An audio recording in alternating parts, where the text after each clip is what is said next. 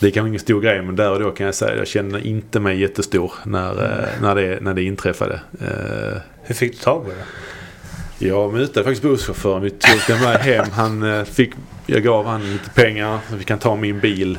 Hur mycket pengar? Ja, jag kommer inte ihåg. Några hundra dollar var det. Okay. Fick han köra min bil till flygplatsen i 200 knyck. Eh, kom med ett nytt plan precis. Sen fick jag sitta på Torontos flygplats typ i åtta timmar och vänta på att nästa, sista flyget St. John's kom dit mitt i natten. Är det den här lilla ön? St. John's? Sen är ö utanför ja. ja. Så det var inte så, krylla inte av flyg dit heller. Eh, så det var ju det jag var tvungen, tvungen att komma med. Men öppnade dörren, min rumskamrat han bara skrattade när jag kom in också kan jag säga. Perfekt matchuppladdning. Nej men någon, eh, snart är eh, råttet mogat alltså. Persson! Lägger på blå för loppen, kommer skjuta, fintar skott, spelar pucken höger istället, Davidsson skjuter, man lever över returen! Skottläge kommer där! Kan jag få låna micken? I mål! Hur skjuter karln? Hur skjuter han? Jag kan bara säga att det där är inget skott faktiskt Lasse. Det där är någonting annat. Det där är liksom, han skickar på den där pucken så jag nästan tycker synd om pucken. Den grinar när han drar till den. Utan Fröbo var målvakt! Kan jag få låna micken? Kolla! Poff! En allvarligt talat Leif Boork håller på med hockey 600 år! Kan jag få låna micken? Det här är SHL-podden från Betsson och det är ett SHL-podden möteravsnitt där jag, Mårten Bergman, träffar profiler Eh, i och omkring SHL och turen har kommit till Mattias Sjögren i Rögle. Vad vi snackar om det hittar ni i beskrivningen till podden och mig når ni enklast på Twitter där det är att Martin Bergman och att SHL-podden som gäller. Ni kan även med fördel mejla till solpodd.gmail.com. Nu tillbaka till den 6 februari i Ängelholm, Mattias Sjögren. Mycket nöje. Du, ehm, jag ehm, googlade lite innan och kollade runt och så och gjorde min sedvanliga research inför de här intervjuerna. Eh, och med tanke på ehm, jag intervjuade Peppe Lund igår i Linköping och jag sa samma sak till honom med tanke på eh, vilken bärande roll du ändå haft i SHL Eh, i många lag. Så eh, det har inte varit så mycket strålkastarljus. Eh, nej, det har det väl inte varit och det är väl nog för min person ska jag säga. Jag har aldrig stått i centrum på det sättet och aldrig haft en ambition att göra det heller. Eh, jag trivs nog bäst att hålla mig lite i skymundan och har inget behov egentligen att, att synas och höras. Eh, sen kan jag nog vara en eh, clown, höll jag på att säga, mm. men eh, inom omklädningsrummet absolut. Och inte blyg på något sätt. Men, men det är korrekt, jag håller mig nog lite i skymundan. Är det medvetet eller har det bara blivit så? Det har nog blivit så. Mm. Och nu, ju äldre jag blir, ju mer jag tänker på det så känns det mer medvetet också. För att jag, har inget, jag har inget behov av att börja en ny resa nu när jag är i slutet på karriären. Så att eh, det är både och. Det hade varit något. Att bara helt plötsligt balla ur totalt. Bygga varumärke. Precis. Se mig själv bygga ett varumärke och få massa följare på Instagram. Nej, det, jag tror det tåget har gått för min del. okay. Det är ett landslagsuppehåll nu. Ni har ju haft en säsong Eh, om jag ska så här utifrån utan att ha sett varenda match. Men ändå dels vad media har skrivit, dels hur det har gått i år. Så var det ju liksom en pangstart där det var många som började att ja men fan Rögle kanske kan vara med och utmana i år på riktigt. Till mycket skador och svacka och sen så gick det bra igen och sen svacka igen. Och nu är det ett uppehåll, det är mm, 14 matcher kvar, ni ligger en poäng under eh, eh, direkt plats till kvarten. Eh, på sjunde plats. Var, eh, var har vi det här Rögle i år? Ja, den här sjundeplatsen just nu. eh, nej men vi, som du sa, vi började kanonbra och hade ett extremt självförtroende i början. Eh, trots att vi egentligen hade mycket skador så flöt det på bra. Vi vann, eh, vi vann mycket. Vi var, i, vi var, med, var med i stort sett alla matcher liksom. Kunde ta poäng och tog poäng. Eh, sen fick vi en svacka och den eh, ja, sänkte oss lite självförtroendemässigt som, som lag. Eh, men om man ser över hela säsongen så tycker jag vi har spelat vi har spelat tillräckligt bra för att vara uppe bland de topp 6 och kunna gå direkt till ett slutspel. Och det är dit vi siktar också. Eh, och det är ju extremt jämnt från egentligen eh, andra platsen ner till eh, 7-8. Mm. 7-8 platsen. Så att det, det är ett par vinster eller ett par förluster så man är med i toppen eller att man är utanför. Så att eh, eh, överlag tycker jag vi gjort det väldigt bra. Men eh, svackorna vi fick har, blev lite för långa för att vi skulle varit eh, riktigt med i toppen. Ja, men det var ändå lite hype inför säsongen. Det var liksom bra nyförvärv och det eh, såg bra ut eh, långa stunder i, i eller liksom, man har känt att Rögle är på väg mot mm. någonting. Eh, de här guldsnacket som det ändå börjades lite så. Känner du att ni har det i er i år? Jag gillar inte att prata om guld innan man har nått till slutspelen. Och, men jag, jag vill säga det var, det var ju det är en hype Det var en hype och jag tror efter förra säsongen som vi eh, när vi tog oss till play-in och, och spelade bättre än vi gjort på, på, på många år. Och nu har vi liksom som klubb gått ut och velat ta nästa steg och höjt ribban själv också och fått mycket bra nyförvärv och har bra spelare. Så det är klart hypen det kommer ju naturligt och kraven kommer därefter också. Så det är någonting vi som klubb och lag måste hantera och lära oss av. Och den här säsongen är ju otroligt nyttig för oss eh, på grund av den anledningen. Att lära sig hantera den här pressen och favoritskapet. Eh, och ja, det är lättare, det är lättare för mig som spelare att summera det efter när alla matcherna är spelade. Vi, vi hoppas vi är där uppe och eh, och grejer en topp 6-placering så vi är, vi är ett slutspel direkt. För det är det vi har siktat på. Mm. Um, som sagt, guld pratar man inte om innan man har tagit det tycker jag. Så att, ja. Du har ju en eh, lång historia i den här föreningen. Uh, jag gjorde en uh, ja, webb-tv-serie om supportrar till SHL-lag för några år sedan. Och då var vi bland annat här och hängde runt med en hel del gamla stötar i Rögle-klacken. och de hade en väldig inställning. Jag själv håller på Leksand och jag vet ju hur det där är också. Att man nästan så här, Det är lite romantiserande av att man alltid har det kämpigt liksom. Och det är, vi åker upp eh, ena året och åker ner andra. Och liksom, vinner vi inte den här matchen så vinner vi nästa eller nästa. Alltså det finns någon form av jargong i det. Som vill ha funnits kring den här klubben, alltså på läktaren. Och det jag kan nog se ganska många, när jag pratar med dem, jag såg ganska många likheter med hur jag sett på Leksand. Liksom, att det, ja, det kanske är lite mycket kompisvärvningar eh, alltså till liksom, ledning och så genom åren. Det kanske inte alltid varit helt professionellt och det var alltid bättre förr och hej och hå. Sen känns det som att det hände något för ett par, tre år sedan här med Abbots. Du som har varit med både förr och nu, håller du med om det?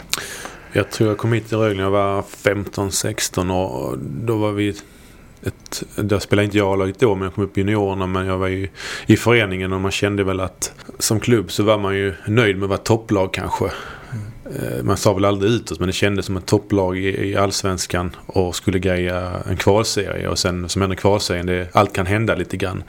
Mm. Eh, när vi gick upp 2008 eh, så var det väl tror alla eh, involverade, eller Hockeyssverige tyckte det var väldigt otippat att vi gick upp och mm. sättet vi gjorde det på. Men på något sätt så började klubben en resa där också eh, med vad det innebär att spela i elitserien eller SHL då.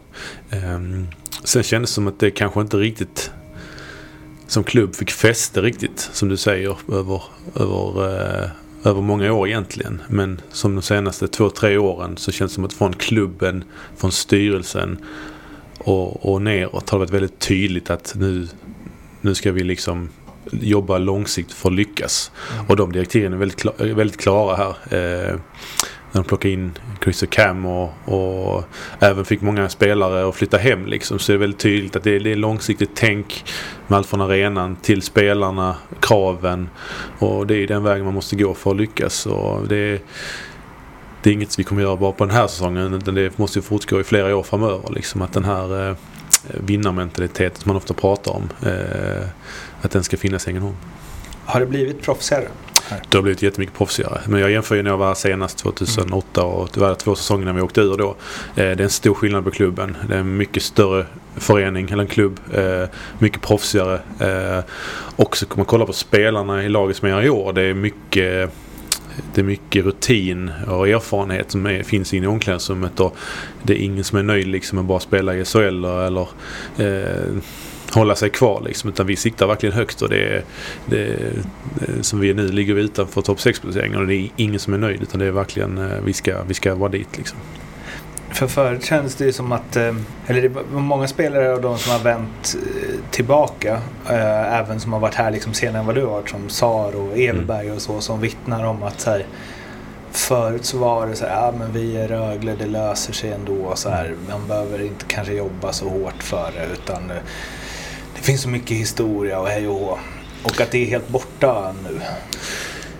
Det vore taskigt att hålla med helt och hållet mot alla spelare som har spelat i Mm. Rögle eh, långt innan, innan oss. Men det, kravbilden har höjts helt klart. Och det är det här med att vi har gjort några år i SHL nu liksom och, och insett att det, det, krävs, det krävs lite till för att liksom, eh, tillhöra toppen i Sverige. Eh, och verkligen så känner jag de vibbarna i Rögle ända sedan jag kom hem också. Att det, det, det andas positivt. och eh, Sen är det upp till oss spelare eller för klubben att liksom eh, eh, prestera Mm. efter de eh, målsättningar vi sätter.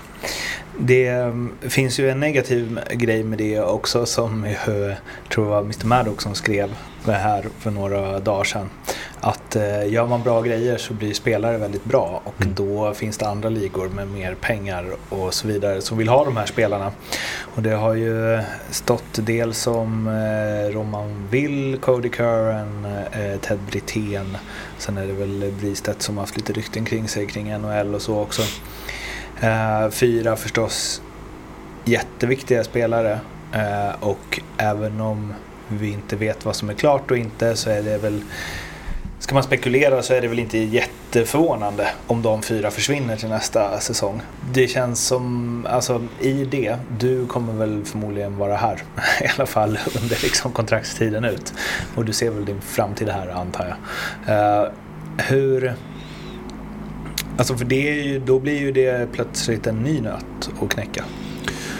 Absolut, men eh, jag tror man ska säga, försöka se det positivt. Eh, som sen vet inte vilka spelare som är här nästa år och vilka som lämnar eh, och vilka som kommer. Men som klubb så tror jag det är ganska tydligt att det, eh, om spelare presterar väldigt bra i Rögle så, så ska liksom klubben vara stolt över att man att de andra li, större ligorna drar i spelarna. Men att jag tror det är rätt så tydligt från, från klubben och från styrelse och, och sportchef och så vidare att de kommer jobba och göra allt för att sätta ett lika bra lag på pappret nästa år. Mm. Eh, så ambitionen är alltid höga att kunna tävla i SHL eh, för Rögle liksom. Och det, ehm, det blir en ut, utmaning för vår, vår sportchef eller eh, sportgruppen att lösa. Men eh, jag tror direktiven är väldigt klara från Rögles sida. Att det, man behöver inte nödvändigtvis se det som något negativt alltid. Utan jag tror och hoppas att dessa spelare någon gång kanske eh, som lämnar och som fortsätter prestera vill tillbaka till Rögle och vill tillbaka och spela i, i äh, Ängelholm. Eh, och tycka att Rögle är ett bra ställe att spela hockey på. Om eh, vi kikar lite på eh, din karriär. Eh, den är ju lång och det är KHL och det är Schweiz och det är AHL och det är landslag och det är eh, SM-guld och det är hela balletten. Um, när du vände hem till Rögle för två säsonger sedan. uh, var var du i, uh, ja, i karriären då och varför landade det i att du ville liksom, för det blir någonstans cirkeln slut liksom. Så blir det. Jag tänkte inte riktigt att jag såg slutet på min karriär för jag skrev ändå så pass långt med ett långt avtal. Men för, för min del så alltså jag längtade, jag längtade hem eh, och spela för Rögle och kände väl att eh, det verkligen var något på gång med Rögle på ett sätt som jag inte, inte var samma Rögle som jag lämnade. Eh, och att jag ville vara med om, en, ville vara med om den resan i den här föreningen. Eh, och det känner jag att jag gjorde helt rätt val också. Att eh, det, det betyder lite extra för mig att vara med eh, och, och spela i Rögle. Eh, och jag hoppas verkligen vi kan prestera så bra så vi skriver ny historia i den här föreningen. Det, det, det skulle jag vara väldigt stolt över att vara en del av det. Em, hade det känts, eh, vad säger man, ofullständigt att inte spela mer i Rögle?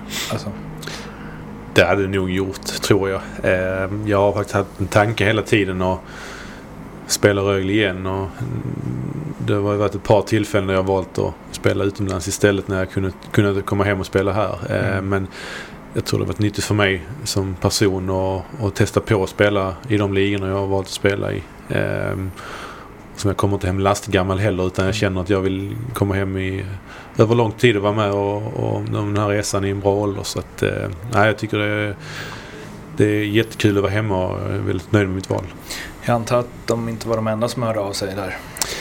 Det var andra lag som är intresserade också men med, i slutändan så var det bara ganska tydligt vad jag ville och klubben var väldigt tydlig med att de ville ha hem mig så det var inga konstigheter. Det, det kändes väldigt skönt också att klubben ville att jag skulle komma hem och spela och vara en del av det här. Det är risker där, man måste vända hem i rätt tid. Så. Precis, men så är det. det är mycket tillfälligheter i karriären, val man gör, var man spelar, eh, vad man får för tränare och så vidare. Det är, eh, jag tror jag har haft flyt i många val jag har valt, och, valt att göra så att det, det gäller att ha lite flyt också. Hur har det varit då för egen del sen du kom tillbaka? Det har ju varit en del skador och liksom, du var ändå hitvärvad som en, eh, ja, men en ledare liksom och du har C1. Och alltså, mm. Hur har det varit för dig? Eh, ja, men jag tycker det har varit bra. Eh, jag har inte... Förra året förstördes det ju på att jag missar, missar start på säsongen och det är klart att det blir lite jobbigt att komma in i det när man missar hela försäsongen och stora delar av höstsäsongen. Eh, I år har det känts väldigt bra tycker jag men eh, fick vi några, en, en skadeperiod här mitten av säsongen som också störde lite momentum i, i, i mitt spel tycker jag. Eh, eh jag har väl inte riktigt följt oss offensivt som jag vill. Eh, Eh, knyter sig lite, har knutit sig lite grann offensivt. Eh, kanske för att man vill väldigt mycket. Eller jag tror att det är precis det jag vill. Jag vill väldigt mycket och det knyts offensivt. Men som du sa, jag har sett jag, och jag, jag, så länge vi vinner matcher så är det det som betyder någonting. När vi vann där på alla dessa matcher på, för, på tidigt på hösten. Så, det är inte så att jag gjorde en massa poäng men man mådde ju fantastiskt bra. Det är en väldigt härlig känsla liksom att och, eh, och vinna match efter match. Så att det, det, det där är en balans i karriärerna hur mycket man tänker på det individuella men det känns som att det kanske man får ta eh, ett steg åt sidan för det individuella eh, när jag är här och spelar i Rögle. Eh, Sen med det sagt så hoppas jag att jag skulle öst in mål också. Alltså man sitter här och, och ljuger om det. Men det, det, det, blir lite mer fokus på min del för att det handlar om att vinna matcher och prestera som lag. Det blir också lite märkligt det där tycker jag. För att när du kommer hem som en, eh, ja, som en landslagsspelare och liksom KL-spel och så vidare. Det blir nästan som att man eh, Alltså om jag inte hade tittat liksom i statsen så hade jag tänkt att ja, men det är klart att han ska komma hit och göra massa mm. mål och så.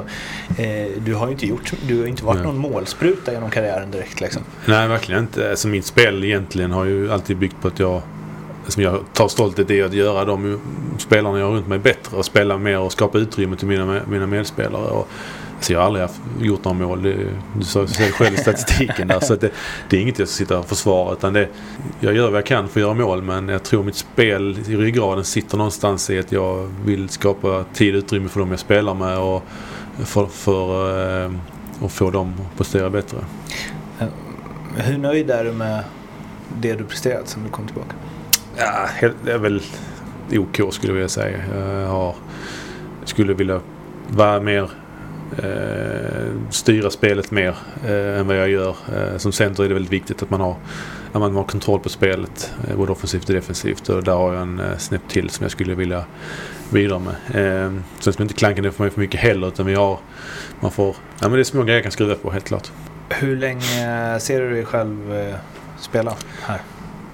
Jag har ju två år till på kontrakt efter detta så de i alla fall. Tittar en säsong i taget. Va? Men eh, jag hoppas att jag spelar ut det kontrakt jag har i alla fall. Sen får vi se vad som händer. Nytt treårs direkt. Då är jag ju väldigt gammal sen. Nej, det tar de två åren så får vi se sen. Men det är väl center, man blir väl bara bättre med åldern, är det inte så? Ja, så kan man alltid kliva ner som back sen också Ja, just det. Defensiv back, då kan man ju spela till man är 42 utan problem. um, en sista grej om din uh, uh, karriär eh, just så innan vi går på den andra delen. Ehm, AHL-svängen.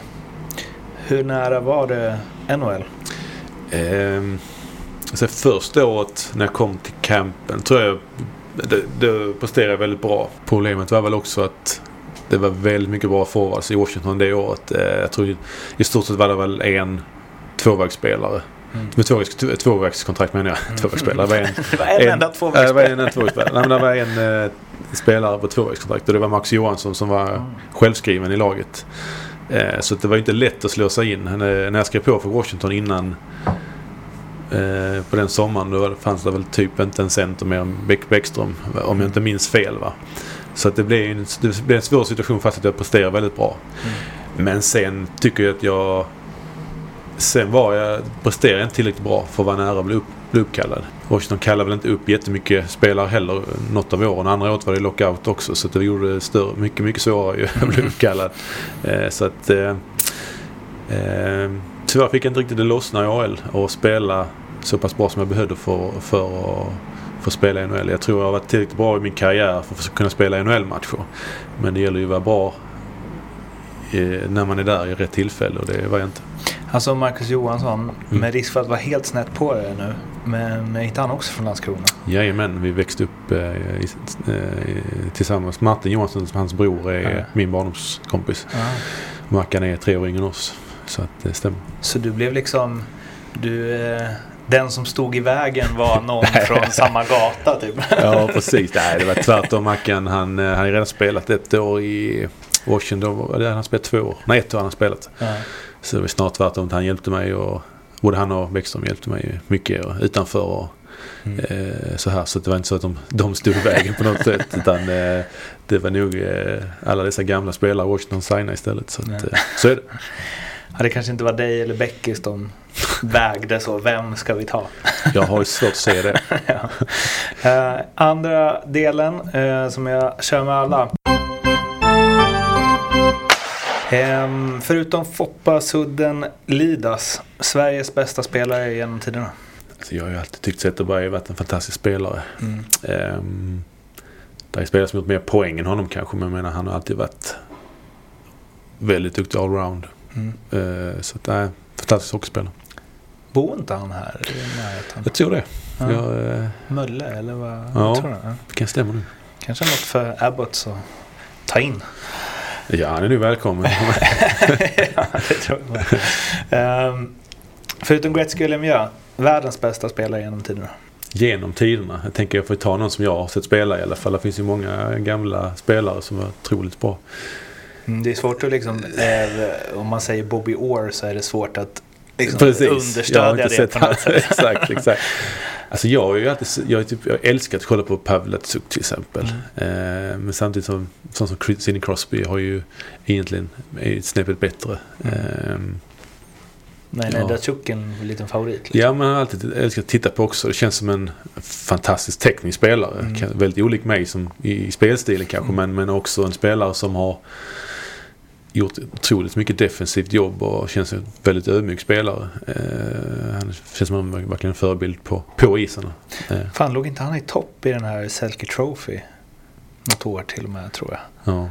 Alltså fast han, man tänker att han var en lirare. Ja, precis. Nej, men jag, han, jag, fick, jag har mött några gånger också.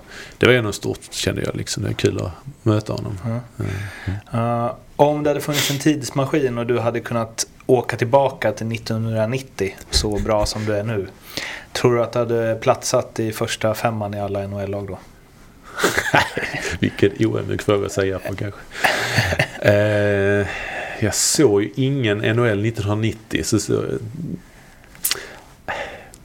jag tror ju att jag hade, jag hade nog varit, de har nog sett mig som en väldigt snabb spelare för min storlek. Det är jag helt övertygad om. Ja. Jag tror om man tittar tillbaka på den tiden, spelare i min size Mm. eh, som kan röra sig som jag gör. Det, då hade man ju ändå sett det som shit, han är, Unik. han är unik. Nu är man ju absolut inte unik. Så det är väl kanske den biten då. Eh, sen kanske, ja jag vet, nej det tror jag inte. Det tror jag inte. Eh, om du får tänka helt fritt, vilken regeländring, hur galen den än må vara, hade du velat testa inom hockeyn? Slippa icing helt kanske. Mhm. Bara ligga och fiska? Bara skicka, se vilka, om man, det, det kan man ha några år till på karriären. Om man bara kan ligga på bortre blå. Nej men det skulle vara spännande att köra lite innebandystuket. Man bara kan skicka den och dra liksom. Ja. Eh, Det var kul att se vad som hände då. Och vilka som, spelare som blev mycket bättre. Det känns ju som att den här tajta forechecken och det zonspelet hade kanske försvunnit uh, i mittzonspelet för att det blev mer utdragen hockey. Eh, Alltså det var ju en intervju med Daniel Brodin förra året, tror jag det var. När han Såg du den? När han inte riktigt visste, alltså han var inte alls där i intervjun. Det var ju, han ville bara in i omklädningsrummet. Så han sa ju bara så här klyschor typ. Eh, och då sa- han ju så här, han bara, ja men ehm, vad, vad, så här, vad hade Robban Olsson sagt i, i paus då? Han bara, nej men eh, att vi ska vi, vi ska chippa, chippa in den och så sp- sprida ut och vi ska sprida ut oss. Och det är väl vad som hade hänt om man hade tagit bort icing. Det hade varit fler chippar och folk hade spridit ut sig mer. Samtidigt har vi ju, vi har ju den touch icing vi har. Eh, Men det är ändå blivit, alltså man hade ju kunnat skicka pucken hela tiden. Det är blivit ett annat typ av spel. Man hade aldrig behövt oroa sig på vad så mycket egen zon känns som. Man hade bara skickat den och bytt liksom. Så hade gynnat vissa backar tror jag. det har gynnat många spelare överlag. Ehm, den bästa spelare du spelat med och då inte utifrån vem som blev bäst eller har det fetaste CVt utan den du där och då tycker är den bästa du varit i samma lag som. Jag har spelat med många bra spelare på det sättet. Men jag- tycker Kenny Jönsson, han, var ju, han hade ju ett otroligt CV, eller har ett otroligt CV.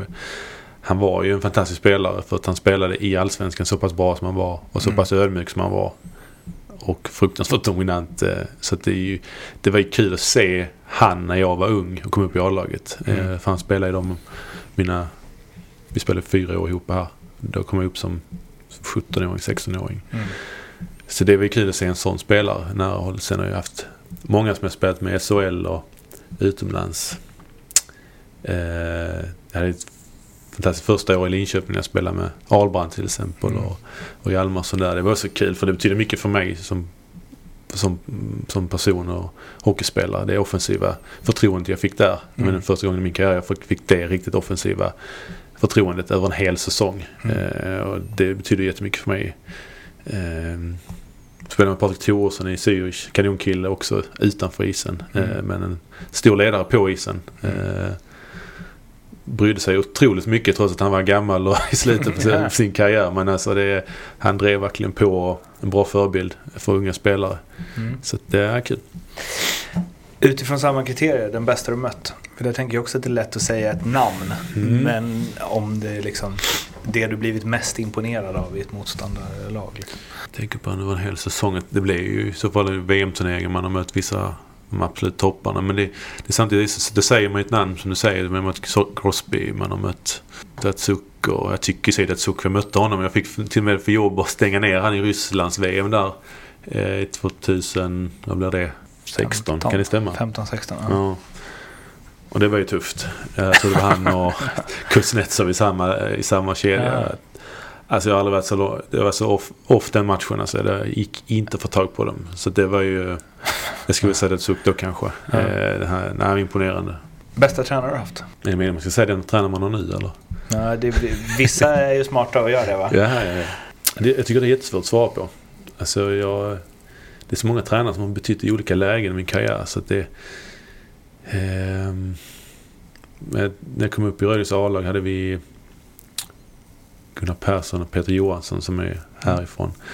Och även åren efter när vi gick upp hade vi Peter Johansson och mina, som, mina agenter som jag har nu. Som har betytt väldigt mycket för mig eh, som tränare och som, som rådgivare. Samtidigt när jag kom till Linköping fick jag för extremt förtroende av Melin egentligen. Eh, som jag inte fått tidigare. Och, och bära en första lina liksom. Du gillar gubbatränarna? Har vi inte alltid gubbatränare. Det är bra gubbatränare. Alltså det är ingen som har stuckit ut mer än någon annan riktigt så tycker jag. Det är många som har betytt mycket för mig på det sättet. Ehm, och gett mig förtroende i rätt läge.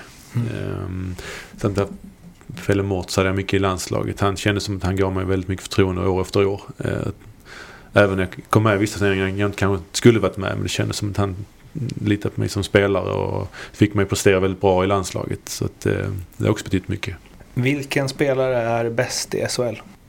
Jag tycker vi... Jag tycker Leon är Alltså Leon är en riktigt bra spelare i SHL just nu. Han gör allt. Han gör...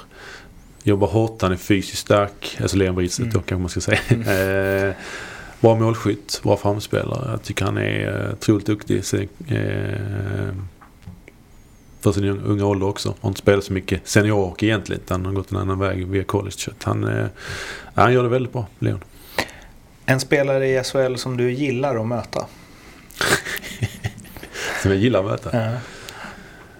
Eh, Sebastian Karlsson i Linköping. För då kan man alltid garva lite när man tittar på honom. Det eller när man eh, står bredvid honom kanske. Eh, en spelare du ogillar att möta? Det är ingen jag ogillar att möta. Är det inte så? Nej. Finns det ingen som du bara, åh nej, nu ska jag in i, ner i sarghörnan mot den? Nej. Så här, Rahimi svarar ju alla på den här. Typ. Jaha, ja, men vi känner varandra väldigt väl. Så Ja. kanske, han är kanske lite extra snäll mot mig. Därför säger Rahimi det också. Vilken spelare skulle bli den bästa domaren? Vem snackar mest med domarna? Eh, Lundqvist snackar rätt mycket med domarna. Nej, det det kunde man inte tro. Nej, det gör han kanske inte. Joel i sig. Alla svarar ju Joel. Alltså, så det gör ja, men han. han har nog Joel har ju temperament också. Så att, eh, det måste man kanske också. Men eh, ja, tråkigt Joel. Mm. Känns som han, eh, han skulle kunna funka som domare.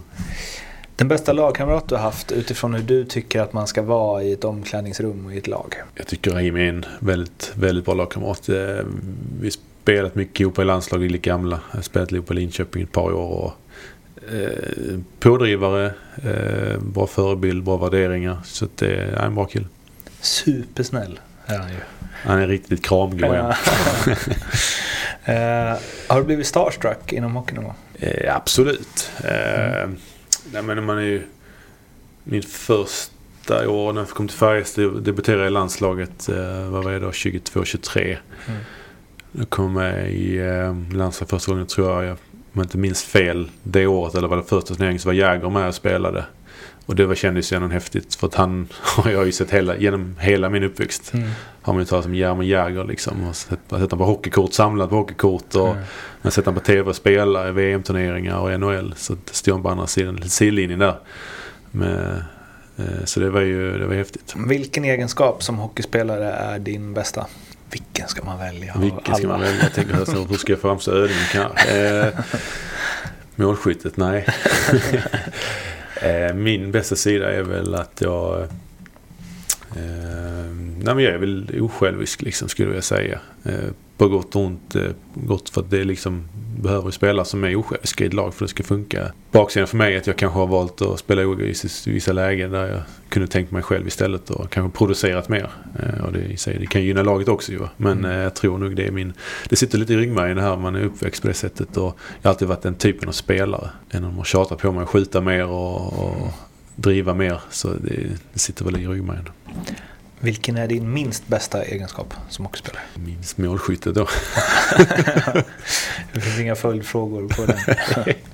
Eh, Om man säger att alla har ett max som är 100 där man får ut 100% av sin eh, inneboende kapacitet. Hur nära ditt max tror du att du har varit? Som du känner själv. Jag har nog varit nära max.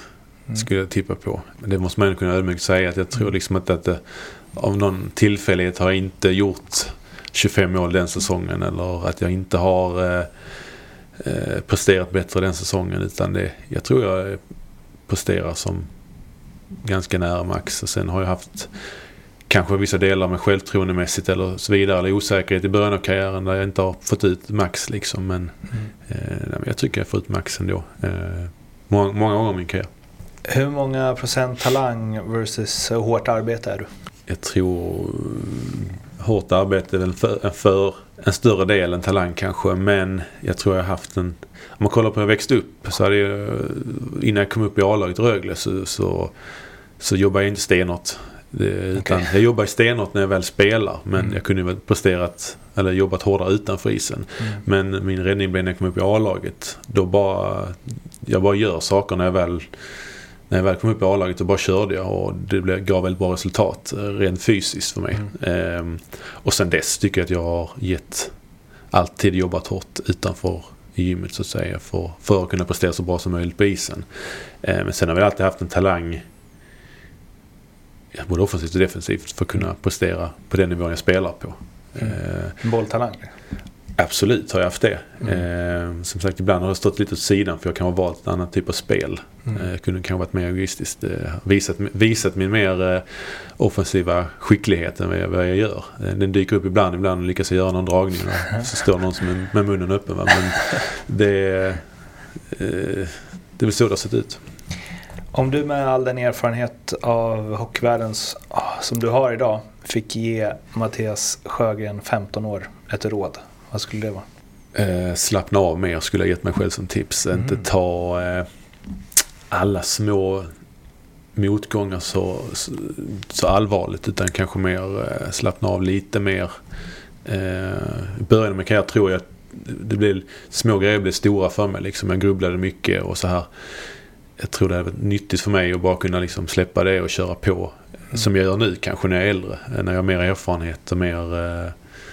Eh, när jag har sett mer. Så att, eh, det skulle nog gett mig som tips. Vem har betytt mest för din karriär? Det är ju min familj. Jag säger, de har eh, alltid stöttat mig och min bror i alla de, i de sporter vi höll på med. Och, eh, kört oss dit vi blev, blev körda för att kunna träna. Och, eh, alltid överlag visat upp stort intresse kring, kring hockeyn. Det gör de fortfarande idag. De sitter på matcherna här och kollar. Och vill gärna prata hockey. Jag är kanske inte lika sugen idag att prata lika mycket hockey. Va? Men eh, det, de har alltid eh, haft ett stort intresse. Och det har ju resulterat i att jag förmodligen kommit dit jag har gjort. Som eh, du uppfattar det, vad är den största allmänna missuppfattningen bland folk om hur livet som professionell hockeyspelare är? Att det, är så, att det är så enkelt tror jag. Det är det. När allting flyter på ett alltså, hockeyspelare. När man vinner matcher och det, man spelar bra. Och, liksom det, är, det är ett fantastiskt liv. Man åker ner och tränar. Även om det är jobbigt så är det, liksom, det är inget som tar för att man mår ju bara bra. Liksom. Men baksidan med hockey är ju det här upp och nedgångarna, mentala bitarna och inte prestera. Eh, osäkerheten. Mm. Eh, även om ett lag presterar så kan du in, som individ stå utanför. Liksom. Det, är ju, det går ju väldigt snabbt upp och med, med och motgång. Så att, eh, jag tror eh, folk förstår inte hur mycket energikrävande det är. Eh, mentalt av hockeyspelare. Har du kämpat mycket med det? Osäkerhet och liksom att... Nej, det, det tror jag inte jag har gjort. Utan jag har nog varit... Jag grubblade nog mer när jag var, när jag var yngre. Men Mm. överlag så, så liksom... Som min spelstil är ett bevis. Jag har alltid bara... Jag har kört på liksom. Mm. Och det har varit mitt sätt att spela hockey på. Eh, givetvis har man ju varit osäker och man har haft jobbiga perioder i karriären. Men överlag så ska jag säga att jag inte har lidit jättemycket av det. Utan jag har, jag har kört på och sett till att göra det bästa jag kan. Liksom. Och sen i slutändan så kan man ju alltid kolla sig själv i spegeln och säga jag gjorde, liksom, jag gjorde mitt bästa i alla fall. Huvudet in i sargen bara. Ja, det låter ju, låter ju eh, extremt enkelt men eh, jag tror det varit nyttigt för mig att ha den, försöka ha den inställningen. Eh, sen har jag många bra människor runt omkring mig som jag kan bolla idéer med om det skulle knyta sig. Så att, eh, det är också viktigt. Din största framgång inom hockeyn? Att vinna ett SM-guld eller som vi vann i Schweiz när man vinner ligan över en lång säsong. Många matcher. Det är det största än att vara med och spelat VM och vunnit, eller jag har inte vunnit VM men har tagit medaljer i VM så är ju en, eh, ett SM-guld väldigt, väldigt stort eh, att prestera över, över lång tid med ett samma lag. Och största misslyckandet? När vi åkte ur här med Rögle var ett stort misslyckande. Så är det nu den enda gången jag har känt den besvikelsen. Vi åkte ut här 2010. Mm. Det, det här var en stor besvikelse. Vad är det eh, sjukaste som hänt dig inom hockeyn? Slash berätta en rolig anekdot. Alltså jag, jag, jag, Här kan man inte ducka. här kan man inte ducka. Nej. Nej. Alltså, här gäller det att anpassa nivån. Ju. Ja. Alltså, jag hade en rolig grej när jag var i... Eh, det här är inte så sjukt kanske, men när jag var i AL. Eh, vi skulle flyga på en bortamatch. Jag, är- jag är inte tränaren...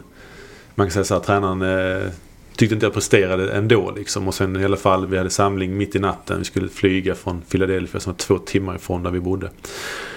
Så vi hade samling till tre på natten och sånt. Skulle flyga på morgonen där. Jag var, jag var klart först dit. Satt bussen först var allt färdigpackad och alltihopa. Och sen när jag kom till flygplatsen. Då har jag inte mitt pass med mig. Vi ska flyga till, eh, till eh, Kanada också och spela två matcher i St. John's då.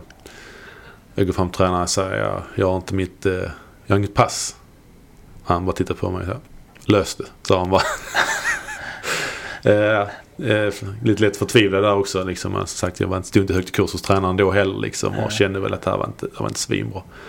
Men på, eh, efter många olika lösningar så kom jag i alla fall fram fyra på natten i St. Johns spelardagen efter. Eh, och tränaren sa väl till mig typ, ja det är bäst för dig om du är bäst på isen de här matcherna. Mm. Bäst på isen vet jag inte om vi var, men vi vann båda matcherna. Och sen sa han ingenting mer om det efter det. Okej. Eh, det är kanske ingen stor grej men där och då kan jag säga jag kände inte mig jättestor när, eh, när, det, när det inträffade. Eh, Hur fick du tag på det?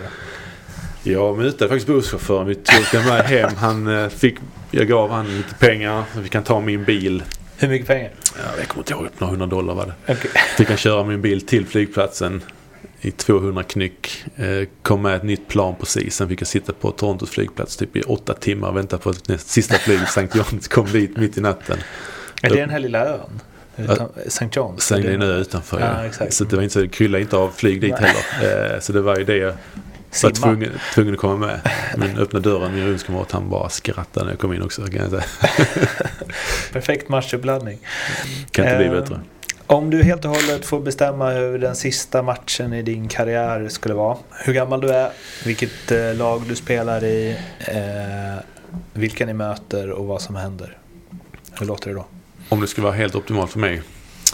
Ja men det är ju att man spelar en SM-final som man vinner. Eller en avgörande SM-final som man vinner här i Ängelholm. Eh, det skulle ju varit löjligt bra. Något man skulle vara stolt över resten av livet. ju. Hur gammal är du då? Om du får bestämma själv. Som det ser ut nu kommer jag vara 34 då ju. Okej. Eh, Vill du lira längre? Alltså jag, jag har väl tänkt att det, om jag spelar ut det här kontraktet i 34 år så är det nog få förunnat att spela så pass länge på den här nivån. Eh, men jag tror ingen idé att börja spekulera i om jag kommer att spela längre redan nu. Utan Mm. jag vet inte hur jag känner då. Eh, just nu känner jag mig väl ung, ung i både kropp och sinne för att kunna spela mer hockey. Och sen får vi se om två år om man, hur, hur det ser ut. Var lika Rent- ung då? Ja, men jag är lika ung om, kl- om klubben tycker jag är lika ung fortfarande. Ja. Så det får man ju också lägga, lägga till.